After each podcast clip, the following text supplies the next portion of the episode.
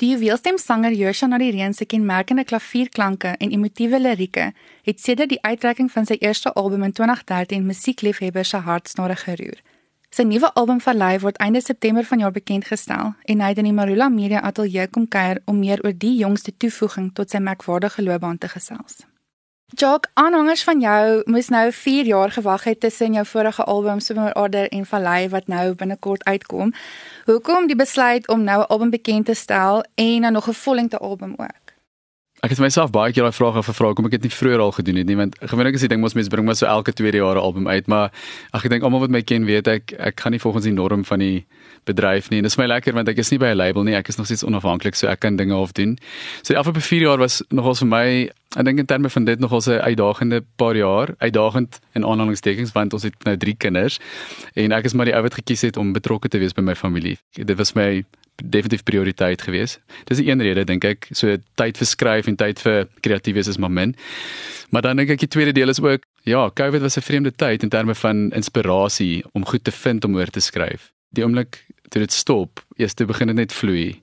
Ek dink nie daar was 'n tydsbeplanning of iets nie, dit het net so uitgewerk, maar nou sit ek hier vandag en besig met my nuwe album ja jou verhoognaam en jou musiek getuig van jou uitsonderlike band wat jy het met die natuur en met natuurskoon. Ons hoor dit ook in jou musiek. Kan jy ons bietjie meer vertel oor hierdie album en of daai selfe elemente nou daarin ook te hoor gaan wees? Ja, ek dink dit sou vir my moeilik wees om weg te skram van dit af. Ek wonder baie keer oor dit, maar ek besef ek het in 'n huis groot geword waar ons ouers ons baie bewus gemaak het van dit wat aangaan rondom ons en die mooi, jy weet in die natuur en ek dink In 'n tyd soos vandag waarin ons bly in die wêreld, is dit ook belangrik want ek dink die positiwiteit wat ons kan vind lê baie keer in dit wat om ons is. Jy weet ons kan se vaskyk in die nuus of dit dit gaan in die wêreld en die oorloë en daai, maar daar's een ding wat konstant is en dit is as jy gaan kyk buite na 'n boom, daai ding, hy weet hy staan nog altyd daar. Jy weet en die voeltjies vlieg nog altyd rond en die die strome stroom nog altyd deur die valleie en ek dink dit is waar die naam van die album die vallei ook vandaan kom want ek voel dis weird maar baie keer besef ek die enigste tyd wat ek nou in 'n vallei kom is wanneer ek op 'n staproete gaan nê nee? en ek gou baie van stap so dis my nogals jy weet dis my soos 'n prominente figuur in my lewe is 'n vallei ek dink ek my eerste album uitgebring en mense is so naïef vir die lewe alles is goed alles is mooi alles is en dan jy weet dan word jy groot en jy kry verantwoordelikhede en jy jy kry kinders en jy begin worry oor hulle toekoms en jy's jy weet doen ek die regte ding en ek vind dit dat dit my dan soos 'n staproete is, jy weet. Ek besef as ek uit die lewe uitkom en ek kan staan gereed om te stap, dan is daar 'n klomp goed wat op jou skouers rus en dan soos wat jy die ding aanvat, hierdie vallei, hierdie staproete deur die vallei dan val dit van jou skouers af. Tot so 'n mate dat jy amper vergeet van die dinge wat in die wêreld aangaan, net omdat jou brein kan stil raak. En ek dink so definitief is die elemente van die natuur daar. Inteendeel, ek dink baie van die liedjies is vernoem na elemente van die natuur, soos die rivier, die stroom, die vallei. Ja, daar gaan definitief daai elemente wees. Kan jy ons bietjie oor jou skryfproses vertel want veral die van ons wat nou aanhangers is, ons kan al hoor as dit 'n liedjie van jou is wat speel met die woorde, met die musiek. Waar begin jy in jou skryfproses? Wat ek wel weet is dat dit begin by 'n atmosfeer. So ek sal baie keer gaan sit by die klavier en net rondspeel, jy weet en op 'n stadium begin ek voel jy's my hierdie is nou ek voel iets, verstaan ek voel 'n gevoel. En dan probeer ek in woorde omsit wat ek voel. Dis 'n baie langer manier van skryf want dit is nie net soos kom ek skryf woorde bymekaar pas en ek jy weet en partykeer voel dit vir my as ek skryf jare aan liedjies, verstaan of ek kry net nie die regte woorde vinnig nie. Die beste is seker om dit te verduidelik soos 'n verhouding. Jy weet, daar's 'n goeie verhouding vir my tussen die lirieke en die melodie en die instrumentasie en die harmonie en dit alles moet dieselfde ding vertel. Party kom vinnig, party vat lank. Daar's ook 18 liedjies op die album, so daar's 'n klomp skryfwerkie in, hoor jy. Dis nou baie meer die norm deesdae eintlik vir sangers plaaslik om maar 'n paar enkelsnitte op beslag uit te bring. Hoekom toe nou ook die besluit om 'n vollengte sien nou 18 liedjies om 'n ja. vollengte album uit te bring? Miskien is ek 'n storieverteller, jy weet, en ek hou daarvan om dat daar 'n konsep is wat deur die album loop. En dit is moeilik as jy enkels net uitbring om dit vas te vang. Verstaan, want een liedjie is net te kort. Dit is 3 minute met iemand om vir hulle te verduidelik wat in jou hele hele lewe aangaan. My albums is vir my tot 'n groot mate deel van my storie. En in die afgelope 4 jaar het daar klomp goed met my gebeur. Dit word alles vertel in hierdie album, jy weet. Ek verstaan ook hoekom kunstenaars nie dit doen nie, want dit is 'n duur proses. Vir my persoonlik is dit belangrik geweest. Ek dink hierna gaan ek dalk eers weer 'n bietjie singles uitbring, maar ek sal altyd weer terugkom na 'n vol album toe, ja. Daar's nou ook op hierdie album 'n paar lekker samewerkings. Jy het met Tix Kamerata weer gewerk en ek verstaan daar's ook 'n liedjie met Kalien van Jaarsveld. Kan jy ons 'n bietjie meer daarvan ja, vertel?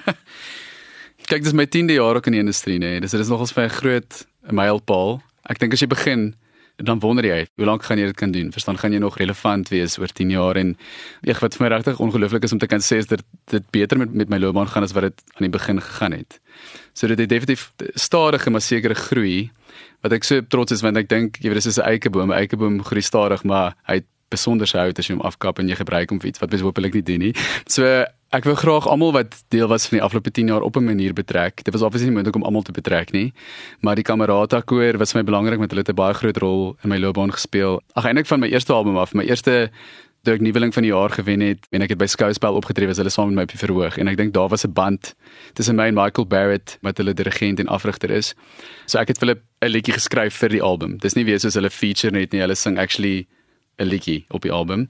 Die liedjie se naam is Die Groot Gees van Hemel en Aarde wat nogals vir my ook dis een van die liedjies wat ek in eendag geskryf het en hy het net so na my toe gekom. Dit was vir my nogals 'n ongelooflike proses. En dan sing ek saam met Laerskool Tabazimbi se koor weer 'n liedjie. Ek het vir hulle ook 'n liedjie geskryf spesiaal vir hulle. Dis 'n Kersfees liedjie. So hy sal seker in Desember op die radio gespeel word, maar dit gaan nou weer wees want hy gaan op die album wees. Hy gaan 'n Kersfees liedjie in September luister mense. Lekker vroeër beter. Wat vir my belangrik is met hierdie album is ook om op 'n manier tipe van 'n brug te bou tussen my kant van die industrie en en die ander kante van die industrie want ek ek dink as mense net so van buite af kyk dis baie keer vir my sleg dat dit al 'n kompetisie geraak het tussen die verskillende dele van die industrie en ek dink wat vir my belangrik was was om op hierdie album te sê hier is ek ek is 'n musikant en ons almal is mense en ons almal is deel van hierdie industrie en ek wil graag kan saamwerk met die kommersiële kant van die industrie.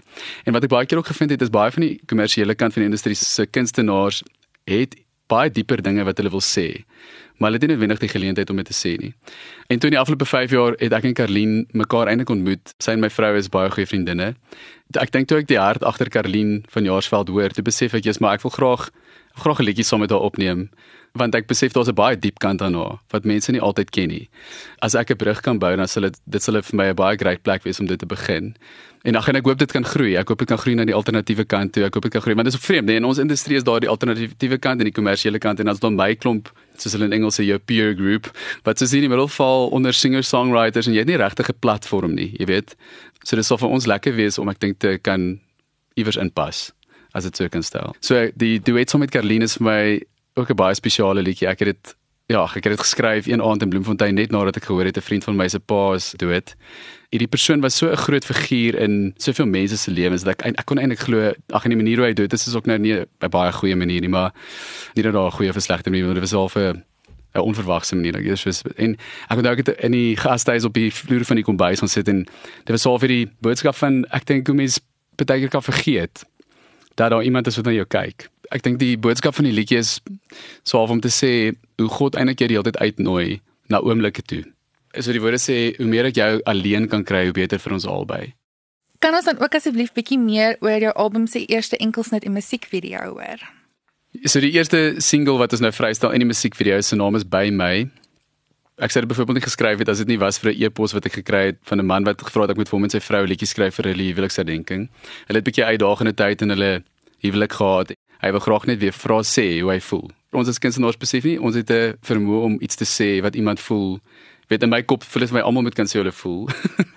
maar ek besef dit kom makliker vir party mense as ander. So en ek skryf toe vir my liedjie en toe ek dit klaar geskryf het, besef ek jy's maar ek dink hierdie is so 'n boodskap wat ek wil hê moet uitgaan die vraag vir die ouer, mag jy nie opgesit liedjie op my album sit en toe word dit sommer die eerste single. Verstaan jy, dit is nou of onverwags, maar so die liedjie gaan oor ons almal as mense het goed wat ons aan ons hak deur jou verlede. So maar jou essence van wie jy is is nog steeds jy. Verstaan, ongeag van jou klein gewoontetjies of jou jy weet die slegte of die goeie goed in jou hak en ek dink baie keer vergeet mense in 'n verhouding dat om iemand te gaan soek vir wie hulle is.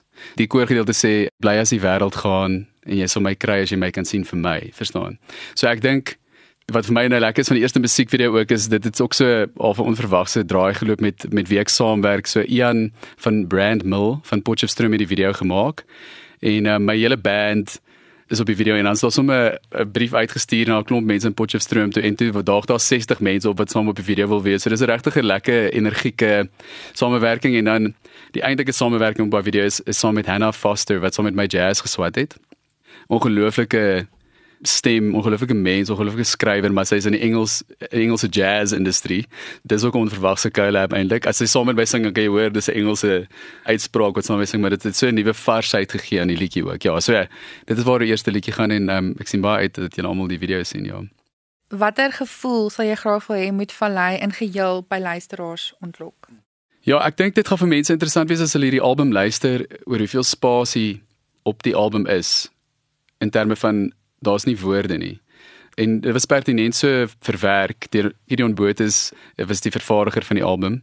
So hierdie stukkies meditatiewe oomblikke is so half juist daar gesit dat as iemand klaar die liedjie geluister het dat hulle nog kan dink oor die inhoud. En vir my persoonlik is dit 'n hoogtepunt op die album want ek besef dis ook 'n refleksie van die vallei. Jy het hierdie besige ding wat aangaan met hierdie klomp inligting want ek hou maar van lirieke, so ek skryf vrek baie lirieke. Maar dan is daar hierdie lang deel na die liedjie wat mense net musiek hoor en net kan soos hulle Engels sê reflect of bepeins oor die vorige deel wat nou net gebeur het. So 'n terme vir my is dit 'n varsheid aan hierdie album, ja.